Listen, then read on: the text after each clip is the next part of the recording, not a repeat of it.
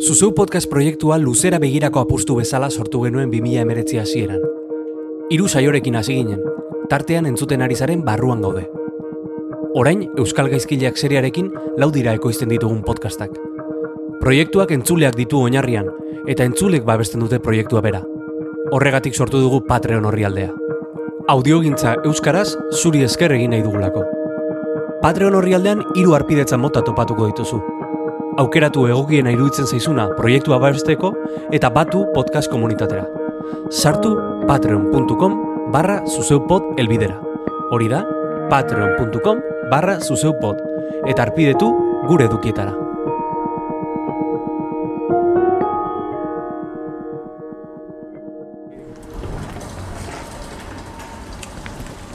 hau zegoen abendura arte zegoen, vamos, e, dana eraiki zuten bezala. Bai. Osea, eta eh, hemen e, gurasok eta egurrak gordetzen zituzten. Gaurkoan, ez gara zukalde batean sartuko. Ez da egongela batean ere. Eta obra. Gaur musikari baten sotoan sartuko gara. Ba, Eta bertako barrunbeak ezagutuko ditugu. Komun bat eta fondoan ba, e, ba estudioa. Eta leno, leno estudioa zen lekuan zertzean. Ba, ez garajea ere eta trastos bete garajea. eta, bai, bueno, garajea, zan bekaldea, etxearen bekaldea. Bueno, bai. Eta bain, hau, Hau da karnizeroan atea. hori da. Eta hemen jarri nuen timbre bat. Zedala letxe, ba, a- askotan nengoen hor lanean. Bai. Eta at- ate atzean, atzekaldean dudanez, kriston sustuak ematen zizkiaz den. Estudioaren barruan, soinua oso ezberdina da. eh, Ez dago erreberberaziorik. Eta dena dago amplifikagailuz, teklatuz, trastos eta mikrofonoz beteta. Eta Nola aldatzen den soinua hemen, eh? Tratamenduan abaritzen da. Bai, bai, bai, oso e, gari aldekoak eh, egin zidan obra eta Sikua, eh? oso, bai, bueno, denetarik badu, badu beste brillo puntotxo bat ere goikaldean eta asko ikasi dut eh, akustikaz eh, lokala dala eta ez dala. Zergatik da importantea sekoa izatea? Bueno, egon behar da oreka, zikua eta eta eta brillantearen e, artean. Eta normalean komeni da e, hormak ez izatea e, ba, bi ziku, oza, parean daudenak ez izatea zera berekoak. E, bata zikua, bestea ez horren zikua eta egotea aldea. Eta segun zer nahi dozun, badaude erekela kola eraikiak e, bereziki ez egoteko inungo refleksiorik eta bueno. Gaur barruan gauden, Rafa Rueda.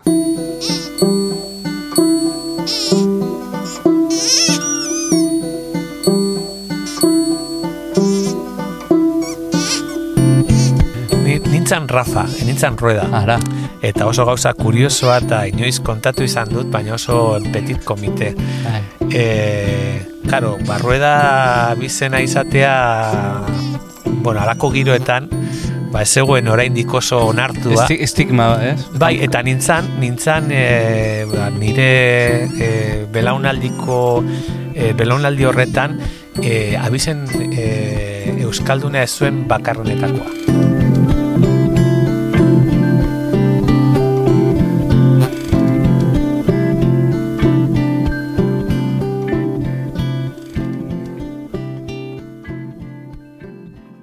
Bai, bai, Hola karakola, oso ondo entzuten da. hola karakola.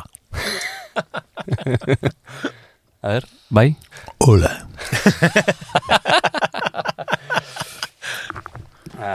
Bueno, Rafa, non gaude?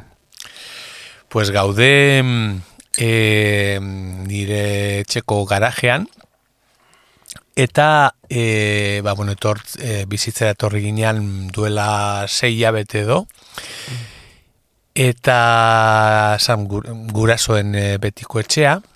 Eta garajean eukan etxeak badauzkaia berrogeta bos bat urte edo. Eta zegoen e, ba, garajea ba, ereiki zuten modu berean eta pentsatu Bai. nuen beti eukidote asmoa inoiz ba etxontara etorriz gero ba, ba lako lokal bat izateko ensaiatzeko eta Estudio bat, ez? estudio bat eta bai aprobetxatu genuen ba, gentozela, ba, pizkat obra egin eta eta alako estudiotxo bat e, ba, insonorizazio batekin nahiko majua eta alantxe, hemen e, mikro, ampli eta ordenadore artean eta hemen gaude. Hemen egiten du lana, Rafak. Hori da, hori da, da lan lekua eta eta oitzen, oitzen ari naiz, normalean beti beste leku zistrinago batea batzuetan, ez, e, izan naiz eta orain ba, batzuetan kosta egiten zaite ba, lekura ere egitea, ez? E, eta da nire nire hori ba refugiotxoa edo alako zerbait. Mm. Eh? Esaten dute lana egitea bizizaren leku berean ez dela goza xamurra. Bueno, bai, ez e, egia esan e, oso eskura nago edo zertarako etxean e, ba, bueno, goia bizi gara eta bai, e, hortan e, konturatu naiz ze, ze pegak dituen, ez? E, ze, edo zen gauza gertatzen dala beti mezu bat, eta igo ez daki zerbait, eta holan ba, bi iru lau ordu zegotea inungo zera distrakzioik abezaila da, etxean egiten duzunean lan, mm. eta etxean jendea daukasunean. Baina bestalde batetik ere, e, aprobetsatzen dut orain ba, batez ere gauak edo goizeko lehen orduak eta jendea lotan dagoenean, hasi naiz nire bizitzan inoiz egin ez dudana, ba, goizeko bostetan altxatu, eta behintzate behatziak arteko tarte hori ba, probetzatzen, eta eta egia esan goza bat, da, eta bain arte ezin izan dut e, alakorik egin lanean egon izen lekuetan, ez? Mm. E, lantokia ezagutu dugu, ez? Sotoa, musikariaren sotoa, baina zin da zure lana? Nire lana ba musikarekin erlazionatua, bi egunez e, e, gitarra eskolak ematen ditut, eta gero ba, ba nabil bateatzen dian gauzak egiten, e, ba, egin izan dute antzerkirako e, musika, e, kortoaren, e, kortoentzat ere lan egin dut, e, eta gero ba beste musikari batzuek e, batzuekin e, lanean, Mikel Urdangarinekin aspalditik nabil, Lutopetekin eta e, ba, bueno, beste hori beste musikari batzu laguntzen ere proiektuekin hmm. eta gero astero irrati programa bat ere egiten dut, e, Bilboiria irratirako eta hainbat e, hainbat gauzatan nabil, e, oso dibertsifikatuak ditu nere diru iturriak eta ba sinintzanetik e, musikan egia esan ba hala edo hola lortu dute ba bueno bizirautea nola baitez. Esan bernizun bazara kategorikoa baina etzara kategorikoa. Esan nahi mm. dut e, batean e, metal talde batean abeslari eta gitarra jola ezinen bai. Gero e, kantautore bezala egin dituzu egin duzu zure bidea e, eta koketatu duzu hainbat e, e, musikarekin, ez? Eta orain elektronikara gerturatzen ari zara. Eta ez dut aipatu broken bihotz. Aurre iritzi gutxiko musikaria zarela ematen du. Bai, bueno, e, hori e, askotan e, komentatu izan didate, ez? Eta nik ez dut inoiz e, alako berezitasunik ikusi alde hortatik, estilo anistasun alde horretatik.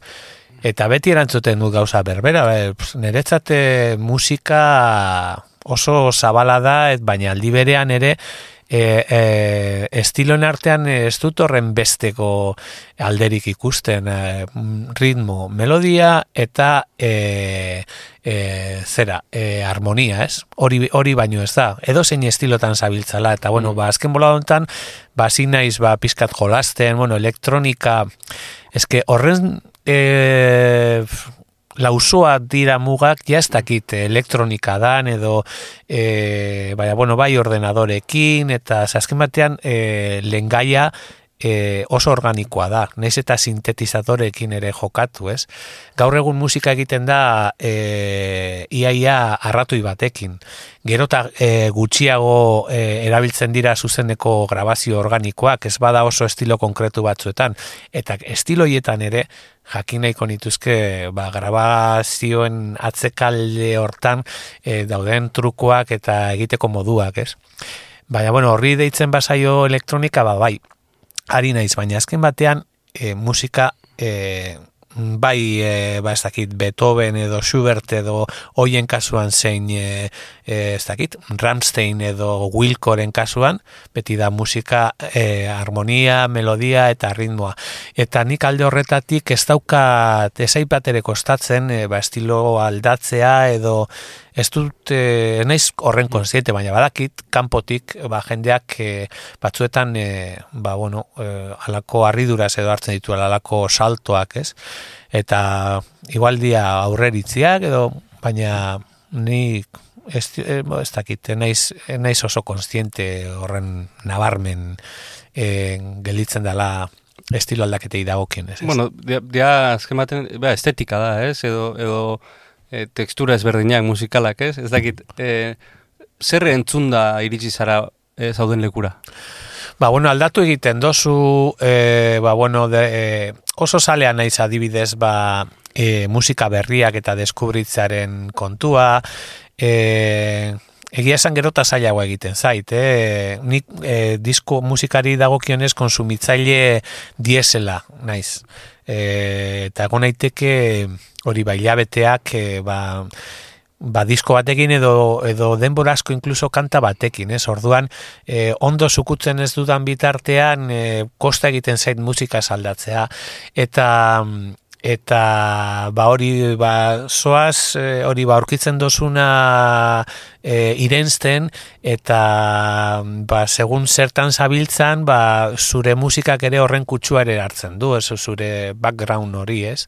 Eta pentsatzen dut ba e, e, entzuten egon naizen e, musikak ere ba eraginea izan dutela ba ba estilo aldaketetan edo estetika aldaketa aldaketa hoietan, ez? Gero segun norekin zabiltzan, e, lanean, e, ba, dibidez, orain e, aritze aranbururekin nabilela, e, beran, beran gusto musikalek ere eragina handia izan dute, ba, nik hartutako bidean, eta deskubritu egiten dizkit gauzak, hmm. e, eta, bueno, hola, nabil, ba, aurkitzen dudan, e, jendearen gandik e, edaten, eta, eta nereak ere bihurtzen ere hainbat gauzak. Besterentzat eta besterekin lan egin dezu, e, proiektu oso interesante askotan, ez? Nola irakurtzen duzu parean daukasun artista? Bagia esan ez dakit, e, nire funtzionateko modua oso intuitiboa da. Eta e, lan berri baten aurrean, e, sentitzen dudan lehen gauza beti da bertigua. Osea, ze ez dut aurre ikusten, ez ditut e, gauzak aurre ikusten, eta nola, eta nola, eta zelan egingo dut, eta izango naiz kapasa, eta guzti, e, dia, bueno, beldurrak, edo, eta alde batetik horrek ere, ba, e, piztu egiten, hau.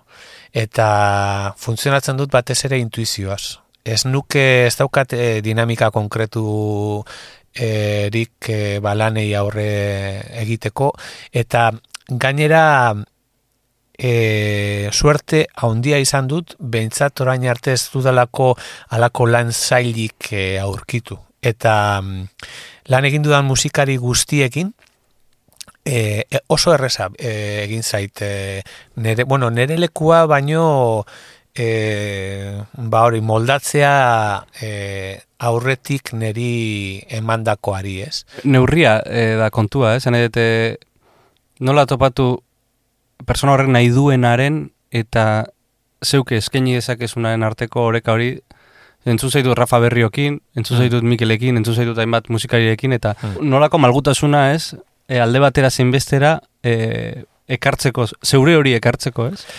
Bai, baina esate dizut ez dakit, e, ez daukat errezetarik, hmm. baina e, jo, ne, oza, eske oso gente onarekin e, izan du suertea lan egiteko, eta ona esaten dudanean da e, errestasun guztiak eman dizkidana esan nahi dut e, eta kantu bat eta e, aurrean daukasunean eta kantaria adibidez o Mikel edo Rafarekin oza, beti oso argi ikusten dut e, momentua helduta edo oso argi ikusten dozu non egon behar duzun, ez? eta ez dakit, igual izan, ba, imaginatzen dut, ere, ba, doai bat izango dala, nik daukadana, ez? Baina, e, eldu arte, e, kriston bildurra eta ezin egona edo sortatzen zait, eta momentu altzen danean, edo kantu bat bialtzen dizuten, edo ostia, hau nola bideratu dezaket, edo nola e, uf, e, da gero azten zara, eta bueno, e, gauzak badoaz, baina ez daukat inungo e, hori ba lan egiteko modu konkreturik, oza, proiektu bakoitzak eskatzen dizuta normalean e, orain arte bai anjerekin, edo bai. petirekin, edo egin ditudan lanetan, e, zuluak ikusi ditut e, barruan sartzeko eta eroso egoteko, ez? Eta hori e, ba, ez dakit nola egiten dan, baina suerte auki izan dut, baina badakit e, gertatu zitekela kontrakoa. Baina ere suerte izan dut. Pentsatu gabe, kanta bat. Kanta bat, bueno, ba, adibidez, e, nabil etengabe entzuten e, aste honetan e, divine, divine comediren e, to the rescue. So many heartbreaks So little time e, deskubritu nuen e, e, Facebooken bitartez e, e, ezagun bati ikusi nion e, bi medala eta ba, dibain, de dibain komedien ondira jotzen oain dela gutxi hor e, barakaldon eta jarri zuen bideoa eta esan duen ostea nola ba, pasatu zaidan e, talde hau aspaldikoa da, eh? ez dute ezagutzen e, e, talde horren e, kantu gehiagorik, baina bideoa ikusi nuen, eta gainera ikusi dituen antzekotasuna handiak nik e, duela urte batzuk e, e, egin nahi nuen musikarekin.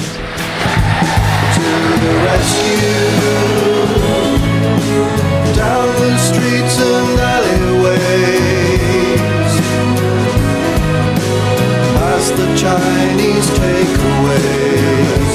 Eta eta esan bueno, ba, inoiz ez da berandu eta horre, kantu horrez egin nabil eh, aspaldi to the rescue.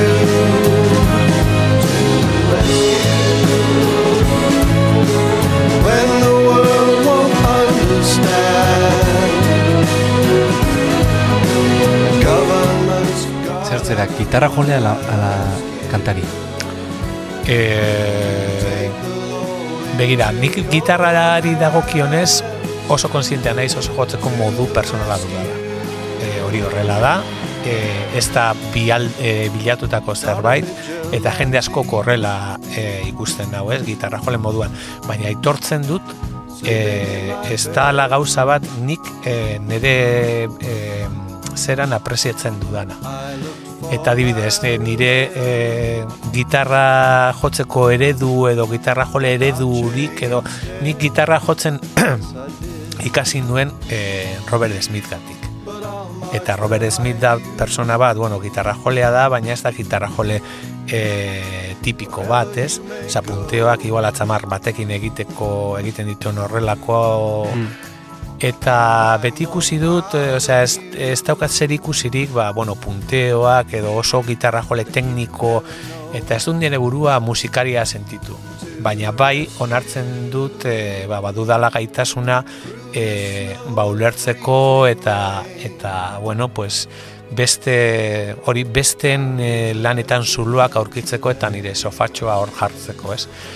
Eta kantuarena, e, gaur egun, e, kantaria konsideratzen naiz, baina e, nire buruarekin borroka ondia e, eraman edo izan ondoren, ez? Ni e, izan nuen esasoi bat, e, ba, pieletekin batez ere, non ba, ahotsak ez eukan garrantzea ondirik, ez dozu instrumentua lantzen, eta papatean e, musika estilo saldatu egiten duzunean, e, azten zara beste musika bat egiten edo beste estetika bat erabiltzen eta zure ahotsa hor gelditzen da e, bueno, biluzik edo eta orduan konturatzen zara ba, hau ni naiz.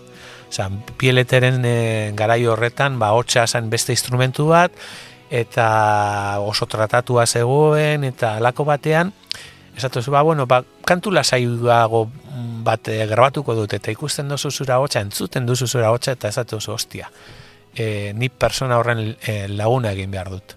persona edo kantari horren Bai, horrekin bat. e, lortu behar dut e, bat egitea eta dizkidetzea, ez? Eta azken hamar urte hauetan, prozesu horretan e, ibili naiz nere buruarekin adizkidetzen, nere kantaera eta nere gorputzarekin e, adizkidetzen eta gaur da eguna e, e, esan dezake dela bai, ba naizela. Eta pena ematen dit, adibidez ariketa hori e, lehenago egin ez izatea. Batzuek badaukate berezkoa, adibidez, kantatzea eta e, ahotsan erabilpena eta ez, duk, ez daukate inungo e, e, lantze beharrik e, eta, eta bueno, hori ba, ba kristolakoa da.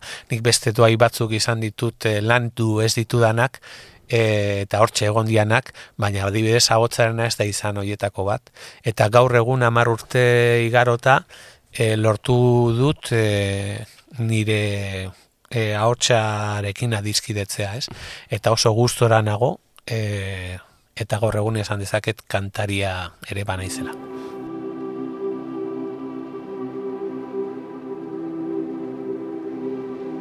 Gitarra jole horok dauka lehenengo gitarran. Zuri lehenengo gitarra oroitzen duzu?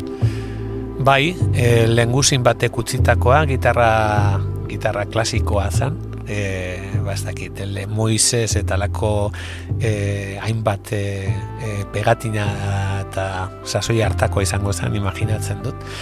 Eta gainera, e, duela ez daki zenbat e, eskatu egin zidan bueltan. E, nerekin, pues, hogeita bost, hogeita mar urte ibili ondoren eta kriston penarekin e, bueltatu behar izan nion. Eta hori ze izan zen, e, ni berez pianoa jo behar izan nuen, e, lehen urteetan, eta lau urte zibili nintzen pianoa ikasten, eta baina bueno, lau urtez e, ikasten e, gainbiltzalamen mungian, ez neukan pianorik etxean eta e, ba, piano alako herriko musika eskolako pianoetan ikasi behar genuen, baina maila batera helduta egia behartzen gintuzten e, instrumentua erostera.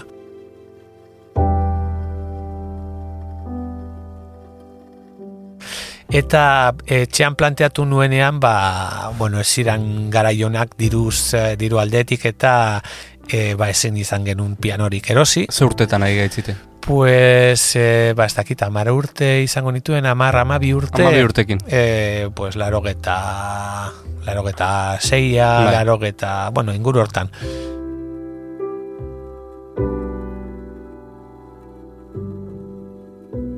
Eta hori, ba, pues, pentsatu nuen, ja banen bilen e, gogoarekin ba, beste instrumento bat hartzeko kortuki gitarra, eta orduntxe hasi nintzen e, gitarrarekin, ba, utzitako gitarra batekin letxean lehenengo, eta gero Mm. ba, hasi nintzen klaseak hartzen, eta pianoa utzi nuen horra parkatuta, eta, eta gero ba, bueno, ikasketak eta burutu nituen gitarrarenak, eta Bai.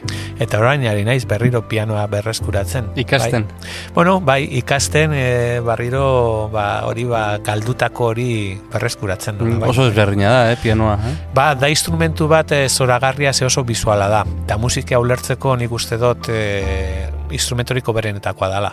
Osa oso hori, oso visuala, Mm. akordeak, melodiak, e, oso modu... Pentagrama eh, ikusteko modua. Ez? Hori bai, e, bai, bai, pentagrama eta horizontala da, eta oso, bai, bai, oso musika ikasteko instrumentorika proposena izan daiteke, bai.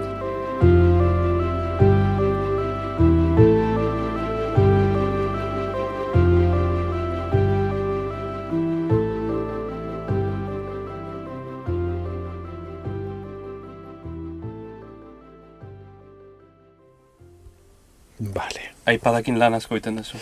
Bai, e, azkenian nire estensioa da. E, Bai. ja eramaten dudan hemen. Testuak direla, bestea direla, grabatzeko eta eta ja paperak astuin ditut. Aipadakin bitzen naiz. Ez dakit afinatuta dagoen. Ze gitarra da? Hau Martin bat. De hogeita sortzi. Ui, ez dago afinatuta etxara. A ver, nola egiten dugun. Afinatzailea ere, aipadean. Bueno, ez, baina orain ez daukadan ez besterik, ba...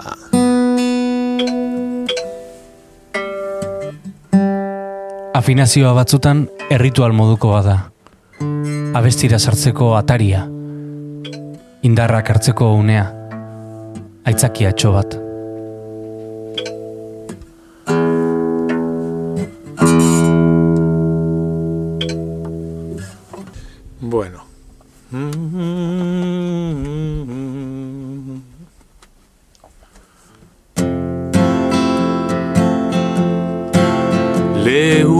Bazatoz Aizean hola zuaitzetan barrena.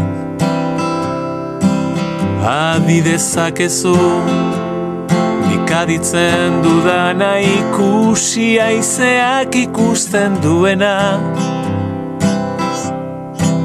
Harin bazatoz Ihintzariak bezain laster Bostarren hartuko zaitut Bazugandik ez dut eskatuko ezer.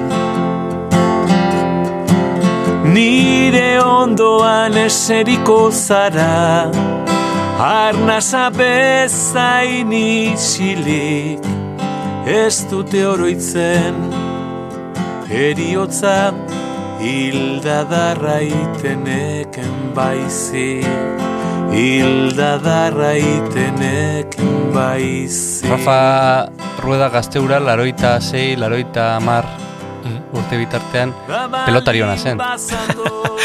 Bai, e, horri biltzen ginean. Ongian, e, e, bakarrik zegoen aukera e, alako aizialdirako gure sasoian, txistua jotzeko, soinua jotzeko, edo pelotan edo futbolan ibiltzeko.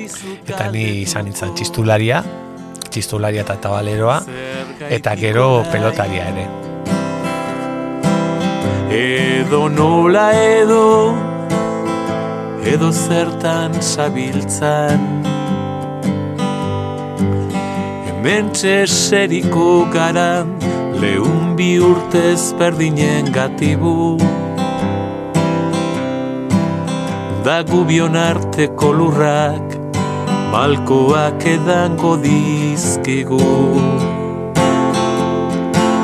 Nire ondoan eseriko zara, arnasa bezain isilik, ez dute oroitzen, eriotza hilda darraiteneken baizik. e, juvenilak arte, infantilak arte e, ibili izan hor, e, gero pieleteko teklista zenarekin, e, bikotea ginean, abio, Bai. aitor abio eta abiok, ni nintzen aurrelaria eta beratzelaria, eta Uribe Kosta mailako txapelketa batean, ba, bueno, txapeldun atea ginean. Eta Rueda lehenengoa. Ni, nintzen Rafa, e, nintzen Rueda. Ara, Eta oso gauza kuriosoa eta inoiz kontatu izan dut, baina oso petit komite. bai.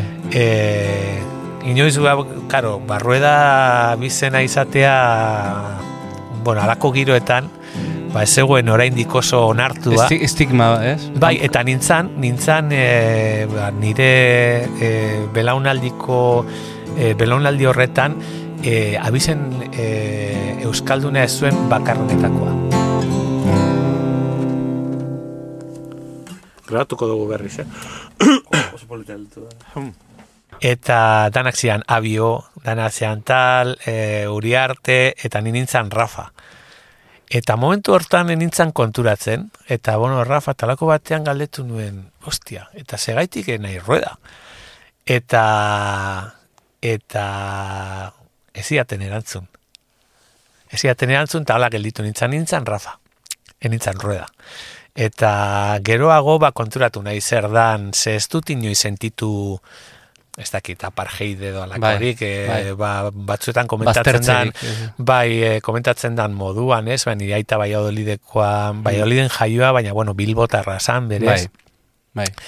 Eta bai, bai adibidez gertatzen e, gertatu zitzaidan gauza bat zan e, ni, bueno, euskalduna euskeraz egiten nuen. Bai. Etxean inoiz ez dugu euskeraz egin, Mhm. baina euskera egiten nuen, neko ez nuke esango oso modu e, fluidoan nola bait, ez? Bai. Baina bai, kapasan nintzen ze, ze eskolan euskeraz ikasten genuen, baina frontoian beti erderaz e, e, hitz egiten zidaten. Eta sarrek ere. Osea, eta heldu zen momentu bat, e, ez moskeatu ba, esan jo, ba, nik euskeraz dakit eta zergaitik hitz egiten didazue e, ba, espainoles edo, eta da gauza bat erdi lausotuta daukadana Mm. Baina bai, e, adibidez pelotan e, Rafa nintzan eta errueda. Eta kuriosoa da, eta imaginatzen dut, ba, ba nire abizenaren jatorriak zer ikusia izango zuela horretan, ez? Eta horre- horregatik e, e, ikasi zenuen euskal filologia?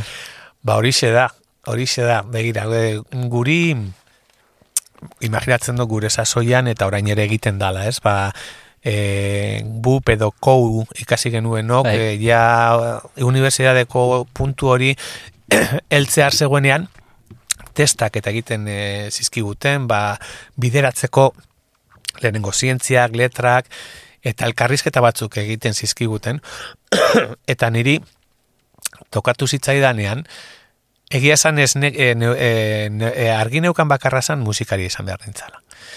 Eta gogoratzen dut e, zera e, ba, ez, ikasle ez nintzen ikasle txarra, ikasle errestasuna neukan egia esan Bai. e, aprobatzeko. Ez, ez dut inoiz notarik atera, baina e, ez dudalako aleginik egin nota. Da. Superviviente bat zinen. Superviviente bat, bai, hor nengoen eta ez zitzaidan kostatzen aprobatzea, baina, baina ez nuen ez dakit eh, bikainik ateratzen ere, ba, bueno, hortxe, ba, eta eta elkarrizketa hartan e, komentatu zen, bueno, txuta, zuk ze, ze izan nahi duzu e, ba, ametik urte batzuetara, eta eta erantzunen, ni musikari izango naiz. Jose Tejeria da haunere grazia, Ipuzkoako aian jaio Iroza eta hiluan horra desgrazia, Publikatzera nua asuntu guzia, Izonak eta ea, irakasleak esatzen bueno, bai, e, hori bai, baina bueno, badakizu e, hori ba, bueno, oso gauza zaila dala, baina nabil, ba, lanari, lana nondik bideratu nahi dauz, eta ba, musikaria izango naizela.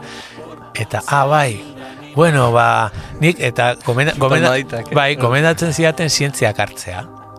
E, bon, nik uste dut e, zuretzat Bai. e, e, zientziak e, ondo egon daitezkela eta esaten nuen, bueno, pff, ba, ez, ez nekien ondik bideratu, eta azkenean mista sartu nuen, ez? Mm. Eta kou bukatu, eta pentsatu nuen, zer, zer egin dezaket? Orduan nengoen ja ba, musika ikasketan nahiko aurreratuak eta ja gitarra karrera bukatzeko eta zera hortan. Eta unibertsitatean hasi nintzanean edo hasi behar nintzanean pentsatu nuen begira ba euskaraz ik- ondo ikasiko dut. Edo saiatuko naiz Mhm. ondo ikasten. Eta horregaitik matrikulatu nintzan e, euskal filologian deustun Begira. e, egin e, atera nuen, aprobatu nuen e, oso errez aitortu behar dut ez nuela askorik ikasi ere baina bai e, e, balioin zitzaidala hizkuntza bere, bueno, bere ganatzeko e, Bai. eta eta bueno, persona batzuk ere ezagutzeko naiz eta e, iaia ez nintzen klasera agertzen baina bai ezagutu dudala oso jende interesgarria, baina e, damutu zait askotan unibertsitateko e, sasoiura e, mm, bere osotasunean ez bizitzea. Osea, Ez zukutzea. Ez ukutzea, bai. Eta askotan pentsatzen dut, berriro inoiz aukera baldin badut edo denbora, hasiko nintzala berriro beste zerbait ikasten, eta, bueno, unibertsitarioa behar dan moduan izaten ez. Borrerua begira zeguan atzetik, barkatzi joan oan, azkena eskatu, nuen, lehenago berekatu, horren gatik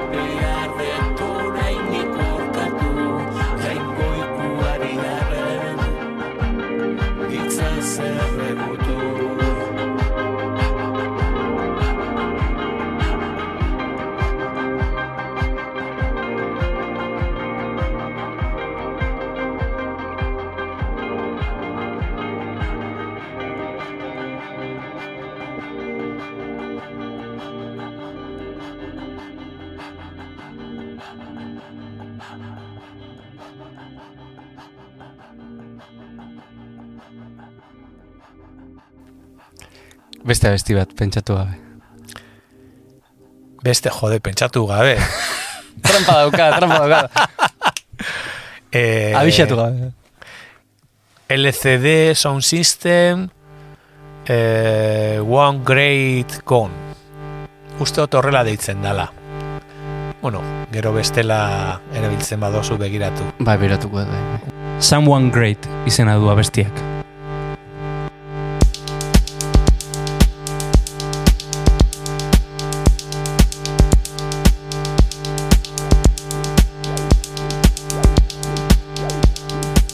Bapatean musikari izan zinen.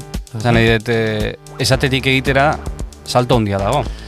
Bai, eta gainera oso e, denbora gutxian Ze, bueno, Broken Bihotz lehen ezieran aipatzen zendun Pop talde bat. Zen. pop talde bat zan e, jatorria zegoen berbena talde batean mungian, Mhm. akiu izenekoa e, beste guztiak ni baino askoz e, nagusiagoak ziran igual 6 zazpi urteko aldearekin. Eta ni joaten nintzen euren e, saioetara ikusle moduan. Eta orduan ja gitarrarekin e, hiru lau akorde jakinda hasi nintzen kantuak egiten. Eta e, gero euren e, berbenetara joaten nintzen atxeen aldietan e, ba, euren gitarrak hartuta nire kantuak egiteko. Eta kuadrilla eramaten nuen eta hauek afaltzera joaten zian bitartean oie ba hartu zakez gitarra eta kantu eta hiru lautan egin izan dut alakoak Oso oso an- animatu zen, eh? oso animatua bai. Ba naiz oraindik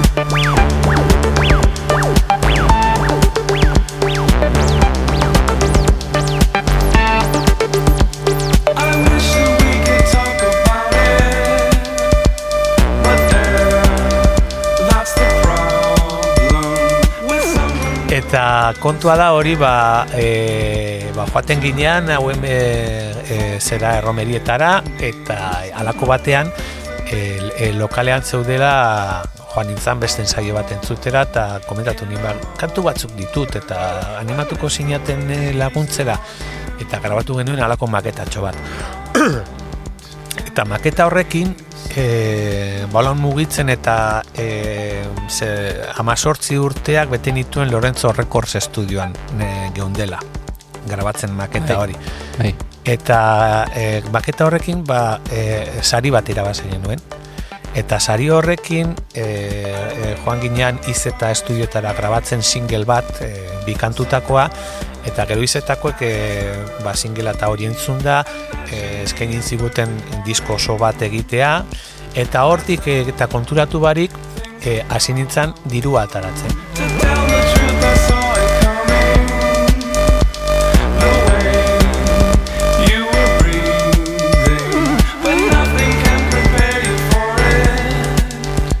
Eta unibertsitatean iaia hasi aurretik edo hasi berri, osea, diruiterri bat neukan, e, eta gero ba, broken bihotz utzi genuenetik, e, utzi eta segituan ba, pieletekin hasi, Aldaketa Eta- bortitza izan aldaketa oso bortitza, e, estil, estilistikoki, nik ez nuela horren beste somatzen, baina bueno, e, Bai.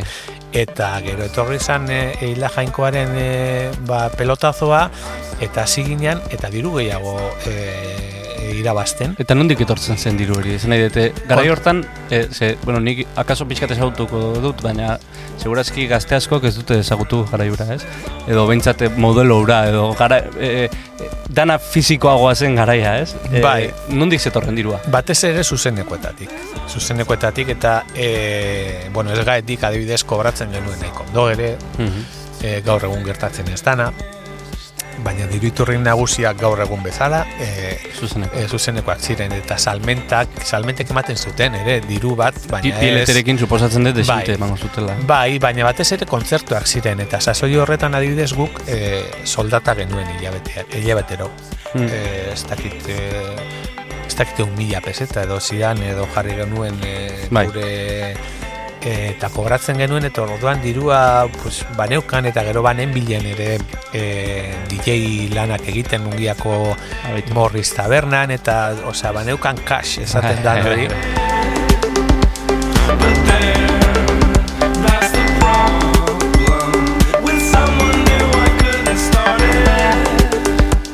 Eta konturatu gabe, ba, ba hori gero kontura, e, e, ikasketak bu, e, bukatu nituen, e, bueno, musika ikasketak bai, eta baita e, ba, Filologia, Euskal bai. Filologia, eta eskaini egin zidaten e, bukatuta segituan, bueno, pues, klaseak ematen hastea.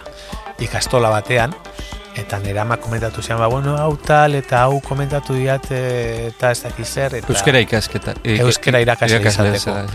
eta ezetz esan nuen. Osea, bueno, etxean, pues, bueno, pizkat disgustua eta hori eta hortxe jarraitu nuen, ba, e, ba bueno, bo, pues, dirua orduan, e, handik e, gutxira, bueno, urte batzuetara ia etxetik urte, baina orduan ere gurasoekin oraindik e, e, etxean eta ez neukan e, diru askoren beharrik ere, Bai, baina e, irabazten nuena zen behar nuena, baina askoz ere gehiago, eta ez nuen planteatu e, lanik, lanik egitea mm, ba, ez da, irakasle edo bai. eta nenbilen, ba hori ba, pieleten ateratzen genuen dirutik, eta horrekin, eta hola, pues, hasi nintzen, e, gero, ba, bueno, beste lan batzuk egiten, beste musikari batzuekin, gerora ba, e, musikaiak e, gitarra eskolak e, eman Mm. izan ditut, eta Bai. ematen ditut, eta eta hola, eta ez dut, e, ba, izan ditut, e, holan, e, ba, irakasle moduan eta e, aritzeko eskaintzak, baina baina bideak e, edo bizitzak ez nau bide horretatik eraman, ez? Mhm.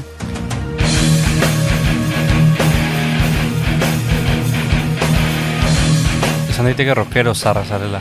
Ze e, musika talde potente batean e, jardun zinen, gainera okrespanago, e, bueno, leku askotan josan duten pileterekin ez? Sale asko zen euskaten. Bai, sale asko baino ge, e, geneuzkan ez, ginen erdi kultozko talde bat, baina e, suerte izan genuen lehen lehen diskotik, batez ere jainkoan kantuari esker, ba, e, Radio 3 bezalako emisora batean asko jartzen zuten gure musika, eta e, ba, joaten ginean e, ba, estatura, estatuko hiri nagusien ere ia guztietara, Bai. eta ba, bai biltzen genituen berreun bat lagun, irureun lagun, orduan geneukan e, gure, gure saleak oso sakabanatuta, baina e, taldea mantentzeko modukoak, ez? Adibidez, gure solout bakarra izan da e, barriro e, barru, Ribeibala. e, barru e, duela urte batzuk ber, e, jaztak izan bat urte, pasatu dian pare bat, edo Bai, bai, bai, bai. Eta hor, hor, hor izan zen gure lehen soldauta, ez? E, kafe antzokian. Osea, Ze, gu- ze sentsazio izan duten horren beste jende. Bai, ba, bueno, pizkate dio, boa, ba... Nostalgikoa zara, Rafa? E, bai, ba naiz, nostalgikoa, baina bestekiko. Osea, adibidez, ez, e, nere buruarekiko ez ez zait e, bat ere ad- adibidez argazkiak gustatzen.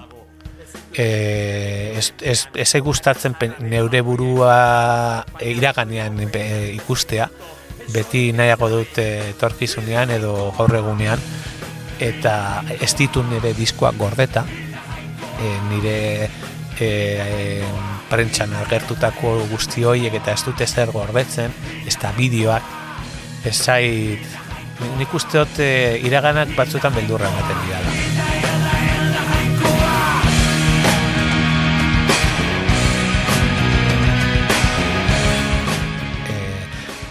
Ezaki. Orduan, e, saiatzen naiz e, gaurkoa eta biharkoan pentsatzen e, iraganan baino gehiago.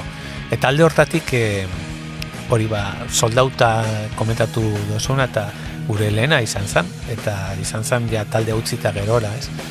Eta beti izan dugu hori ba, sale kopuru bat, e, ba, taldea ondo mugitzeko modukoa, baina ez gara izan e, ba, gaur egun e, ez dakit e, berritxarrak edo zea maiz izan daitezkenak, ez? Izan gara maila e, erdiko e, talde bat oso e, banatuak zituena bere saleak eta eta bai da gauza bat oso zaila, ba, adibidez mugitzen ginean euskaraz kantatzen estatu osotik. Bai. Eta eta kopuru majo bat biltzen, e, jende kopuru majo bat biltzen, hori gaur egun oso zaila dana zoritxarrez.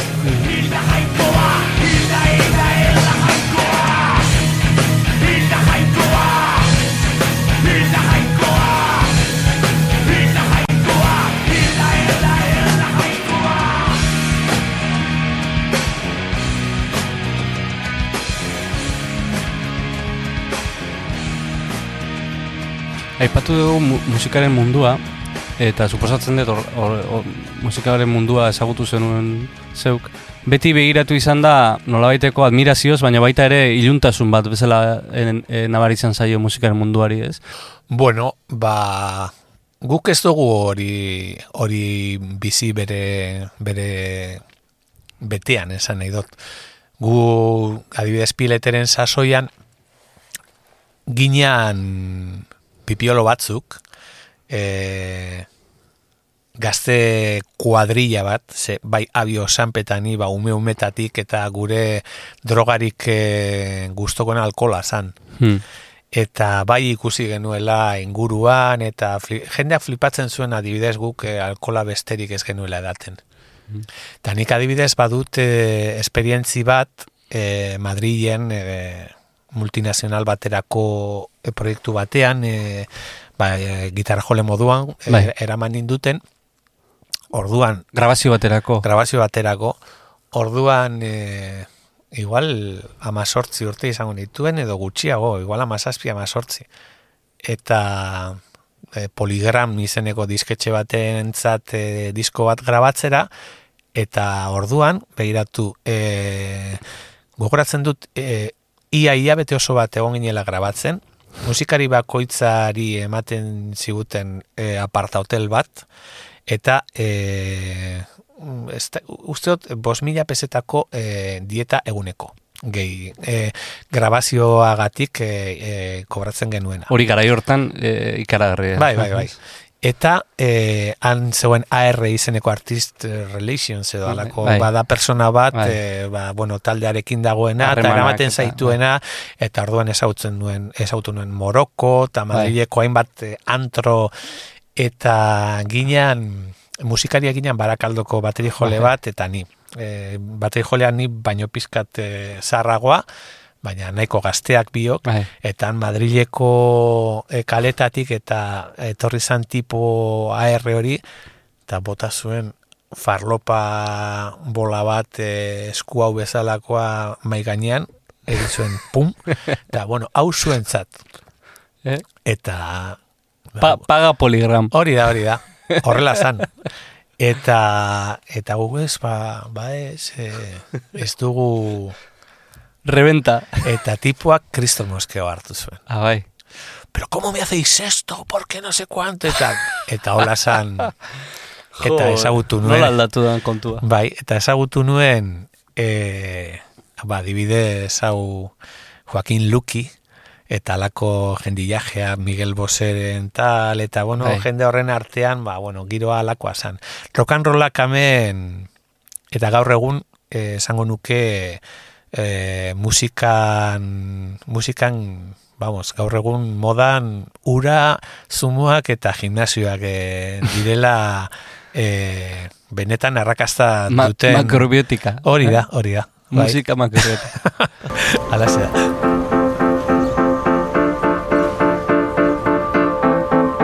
iragana, eh, esan duzu iraganaren beldurra, eta galdetu nahi nizun, eh, abestiak ileskorrak zaizkizu, ala, ala denbora bat pasatakoan eh, ez zaizkizu gustatzen. Edo ez zaizu, ez dezu konektatzen. Nire kantu behi buruz Bai. eh, denetarik dago. Batzuk e, e, osea, bada, e, ikuste dituzu eta gaur egun bizirik daudenak eta beste batzuk ez. Eta eta hori da gauza bat e, ba, bueno, sekulakoa dana. E, disko bat egiten duzunean beti daukazu sentsazioa ba, egiten ari zarela edo egin duzula e, zure laniko berena. Gauaren zentro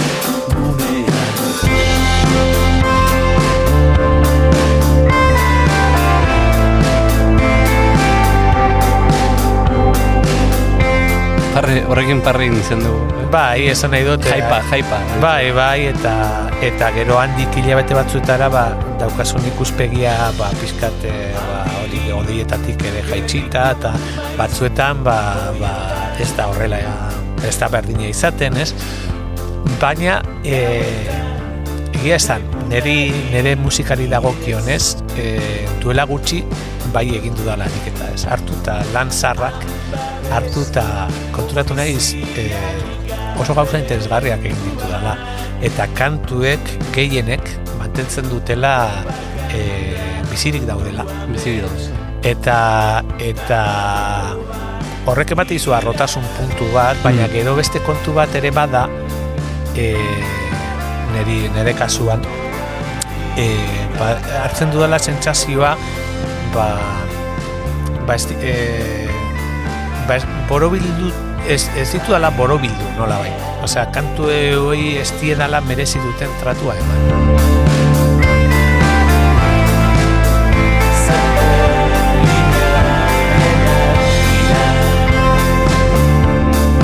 Batez ere ahotsaren erabileragatik eta eta esatu oso hostia. Hmm, jo, ze kantu honak egin izan ditut Berriz grabatuko nituzke. berriz grabatuko nituzke. Eta gero esate oso, jo, ba, karo, eske jende hori jende guztiari gertatzen zaio edo gehienei, behintzat e, e, komentatu izan dut jendearekin eta esate oso, jo, ondo dago.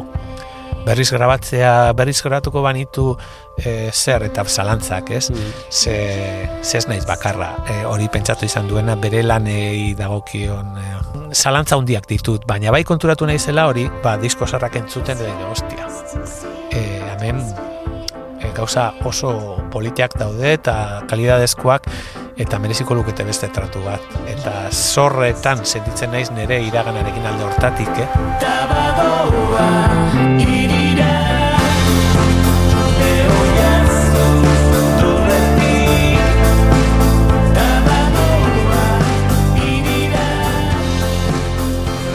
Eta eta susmoa daukat ere askotan ere komentatu izan dut, baina berro eta sei urte e, ditudala eta dauzka, daukat sentsazioa e, zer ere egin ez dudana. Ez dute zer egin. Eta e, bilbidea bat daukat eta dinot, ostia. Eta horrek ansiedade piloa sortzen dit. Eta begiratzen dut egin dudan eta jode, ez da, eta Gauza asko indituzu, ezer ez egiteko gauza asko indituzu. bai, baina, eh? baina sentsazioa, sentsazioa ez Ust- da hori. Ustu zarenaren sentsazioa. Baina hori artista guztiek daukate, ez? Hori da motorra, ez? Ez da hori motorra Ez eh, dakit, egiten, ez egiten da- jarraitzeko? Bai, bai behar bada, ez dakit, e, beste onkasuan, e, baina nik bai e, daukat hori, osea, da, Ah, Hori alainek esaten zuen, ez? Alain urrutiak gure laguna da. bai, Esaten zuen, berak esaten zuen, eh, luko balitz nahi duen edo gura duen hortara, eh, lukela gehiago pintatuko. Eta hori inorrez da heltzen, ez? Nabarmena da, etxarela helduko, horregatik jarraituko duzu, ez? bai, bai, baita, baita. Bueno, bai, topikoa ere bada, Bai. baina e, batzuetan helduzarenaren sentsazioa ere baduzu, eh? Osea, eta egiten duzunean zerbait e, e, arrotasun puntu ho- hori ere bada heltzea, eh? Osea, eta nik badaki zer dan sentitzea lan bat bukatu eta arro egotea. Eta esate, e, pentsatzea, heldu naiz.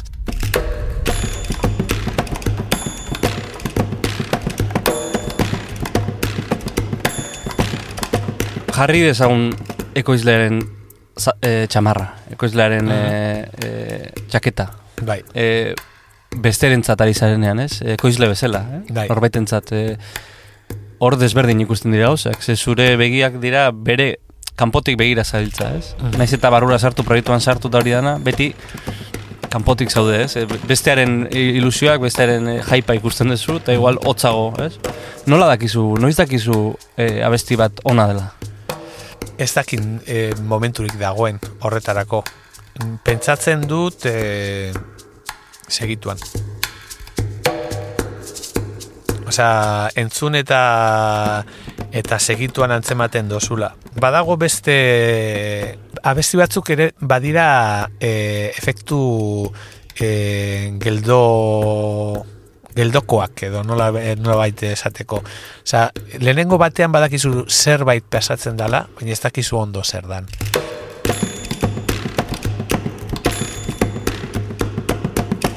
Dastatzen dituzun bitartean behin eta berriz, orduan deskubritzen dozu dira e, papel asko dituzten e, karameluak. Hmm. Eta igual lehenengo entzunaldian papel bat kentzen diozu, bigarrenean beste bat, eta azkenean karamelua gertzen da, ez?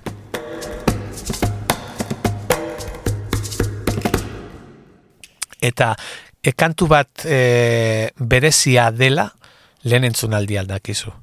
Baina kantu ona e, den edo ez behar bada e, ba, entzunaldi batzuk ere behar ditu hortarako. Eta nik adibidez e, horretan hori ba oso bapateko sentsaziokoa naiz eta entzuten dut eta e, ge- gertatu izan zait, eh? lehen entzunaldian esatea, ostia, ze ondo eta eta gero denborarekin ere abi, e, nekatzea. Mm. Nik uste perspektibak ematen dizula benetan e, balioa, baina gehienetan a- e, behintzat uste dut asmat, asmatu egiten dudala lehen momentu hortako impresioarekin. Estribillo astezin bat? E, jode, zaila da, holan, bapatean, bapatean, e, ez dakit, espaloian kantua, ito izen, e, Gaude go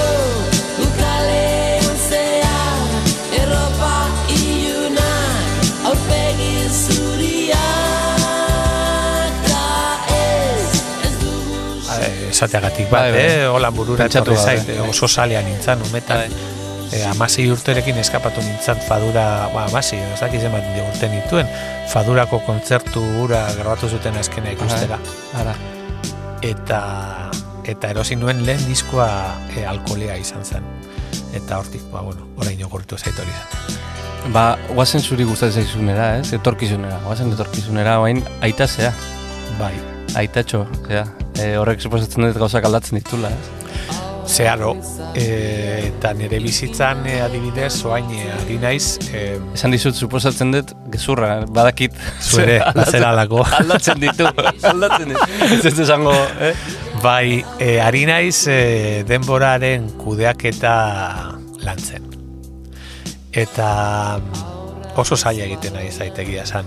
E, zeda gauza bat, ez daudenean ohituta e, mugak e, izatera alde horretan, ba, eta gehiago sor, bueno, sorkuntzan edo ez dakit, batzuetan hitza pedantea iruditzen zait, baina ez dakit nola definidu, ez, ba, e, alako gugu ibili gaitezken lan horietan. ez? Denbora asko behar da.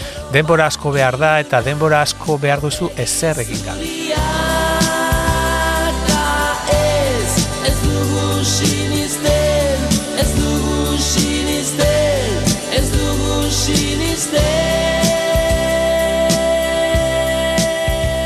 Eta ez bakarrik lanean edo lokan ontan sartuta, baizik eta kalean, eta eta adibidez e, hori da gauza bat e, e, iaia ezinezkoa dana halako egora batean zaudenean.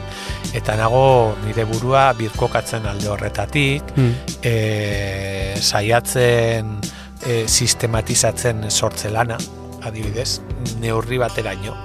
Da e, la cuadratura del círculo esaten zaion, ez? Oso gauza etereoa eta ez dakiz zer, e, ba, kajoi batean sartzen eta esaten, ba, begira, ba, gaur e, hau egiteko bi ordu dauzkat. Eta bi ordutan egon behar, egin behar dut, ez?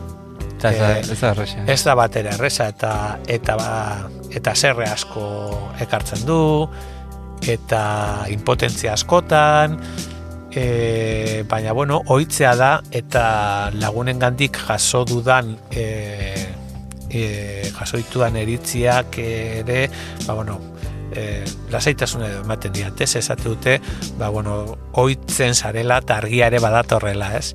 Baina momentu hontan e, semeak e, urtea bete behar duen hontan, ari naiz e, borroka horretan. Denboraren kudeaketa edo denbora nola kudeaktu ikasten. Mhm. Bozkatu zenuen pasan Bai. bai. autoeskundetan. Nola, nola ikusi duzu ostekoa? Ostekoa, ba, ba bueno, ba nahiko, nahiko eskaz, eustekoa eta aurrekoa. Osea, Motibatuta zaude politikoki? ba nago, osea, politika, politika bizitza da.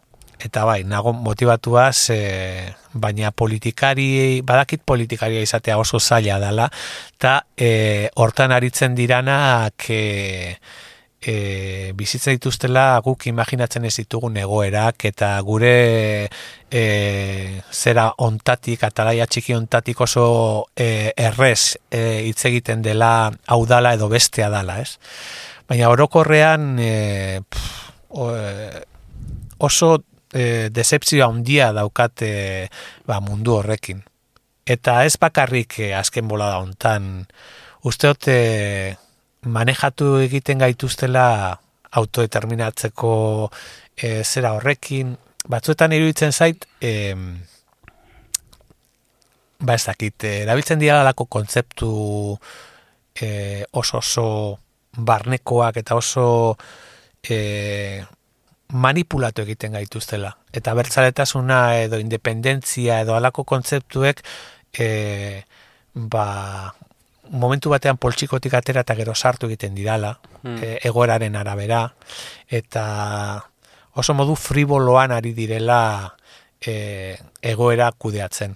Hor, des, decepzio orokorra dela esango nuke, e, baina, zuk esan, aipatu zu denboraren kudeaketa, ez? Baina hemen dago beste bat da itxaropenen kudeaketa. Ze, e, bueno, ni pipiolo bat naiz, ez? Hogeita mar urte ez da ezer e, politikan e, ikuspuntutik, baina, baina nahikoa da pixkat irakurtzea konturatzeko e, pues, beti gabiltzala erruera ber, berdinari jiraka, ez? Ez dela... Bai, eta esaten dozu, jo, nik inoiz eta e, bueno, lagunen arten eta komentatzeko, ni aber, abertzale moskeatu bat naiz. Osea, nire burua e, ni independentziaren aldekoa nahi zera bat, baina e, superviventzia arra- arrazoien gatik, arrazoi batez ere kulturalak. Hmm. Eta nik uste dut e, e, ba, ko, ez, kontzeptu hoiekin eta independentzia dala edo autodeterminazioa dala, osea, benetan e, politikariak ez dira ez dira zintzo jokatzen ari. Eta ematen du hori ba ba gaur e, interesatzen gaur interesa dugula hontaz hitz egiteko biharrez etzi agian eta eta alako gauzekin ez, ezin da jokatu. Osea, eta e, bizirauteko gauza bati buruz hitz egiten ari bagara, kultura bat bizirik mantentzea or- mantentzeari buruz, osea, ezin da gaur bai eta biharrez eta etzi agian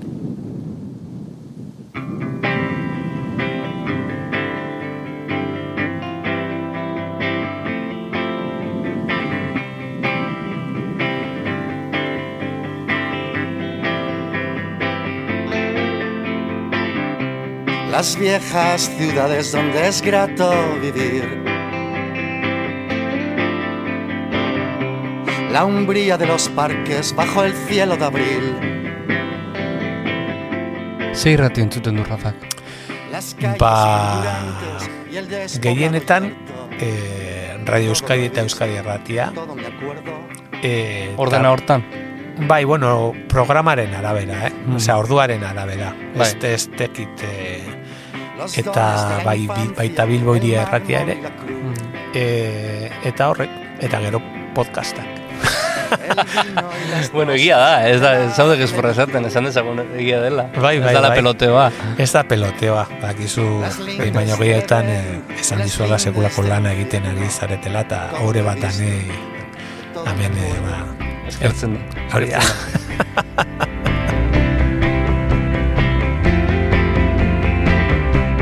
Los campos sembrados, la flor del girasol. Los altos campanarios, el humano tesón. La guerra y la paz, lo efímero y lo eterno. Todo lo he visto, de todo me acuerdo. En mis Oso ondo, Rafa. Ba, zesango izut, eskerrik asko zure sotoko ateak zabaltzeagatik. Eskerrik asko zuri. Todo lo he visto, de todo me acuerdo. Todo lo he visto, de todo me acuerdo.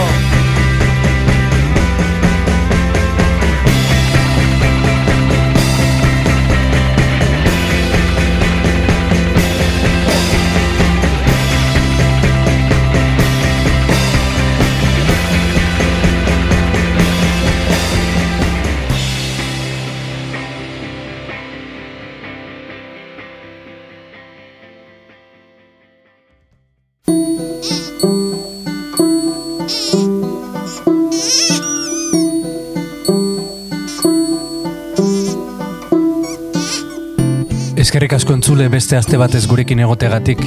Datorren astean gehiago, beste norbaiten etxean sartuko gara. Beste norbaiten barrenak ezagutuko ditugu. Urren arte.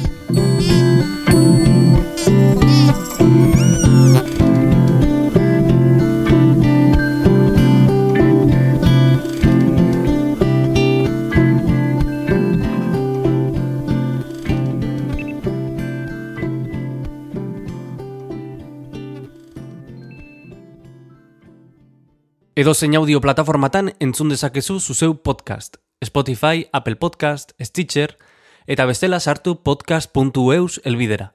Hori da, podcast.eus. Eta bertan topatuko dituzu ekoizten ditugun saio guztiak.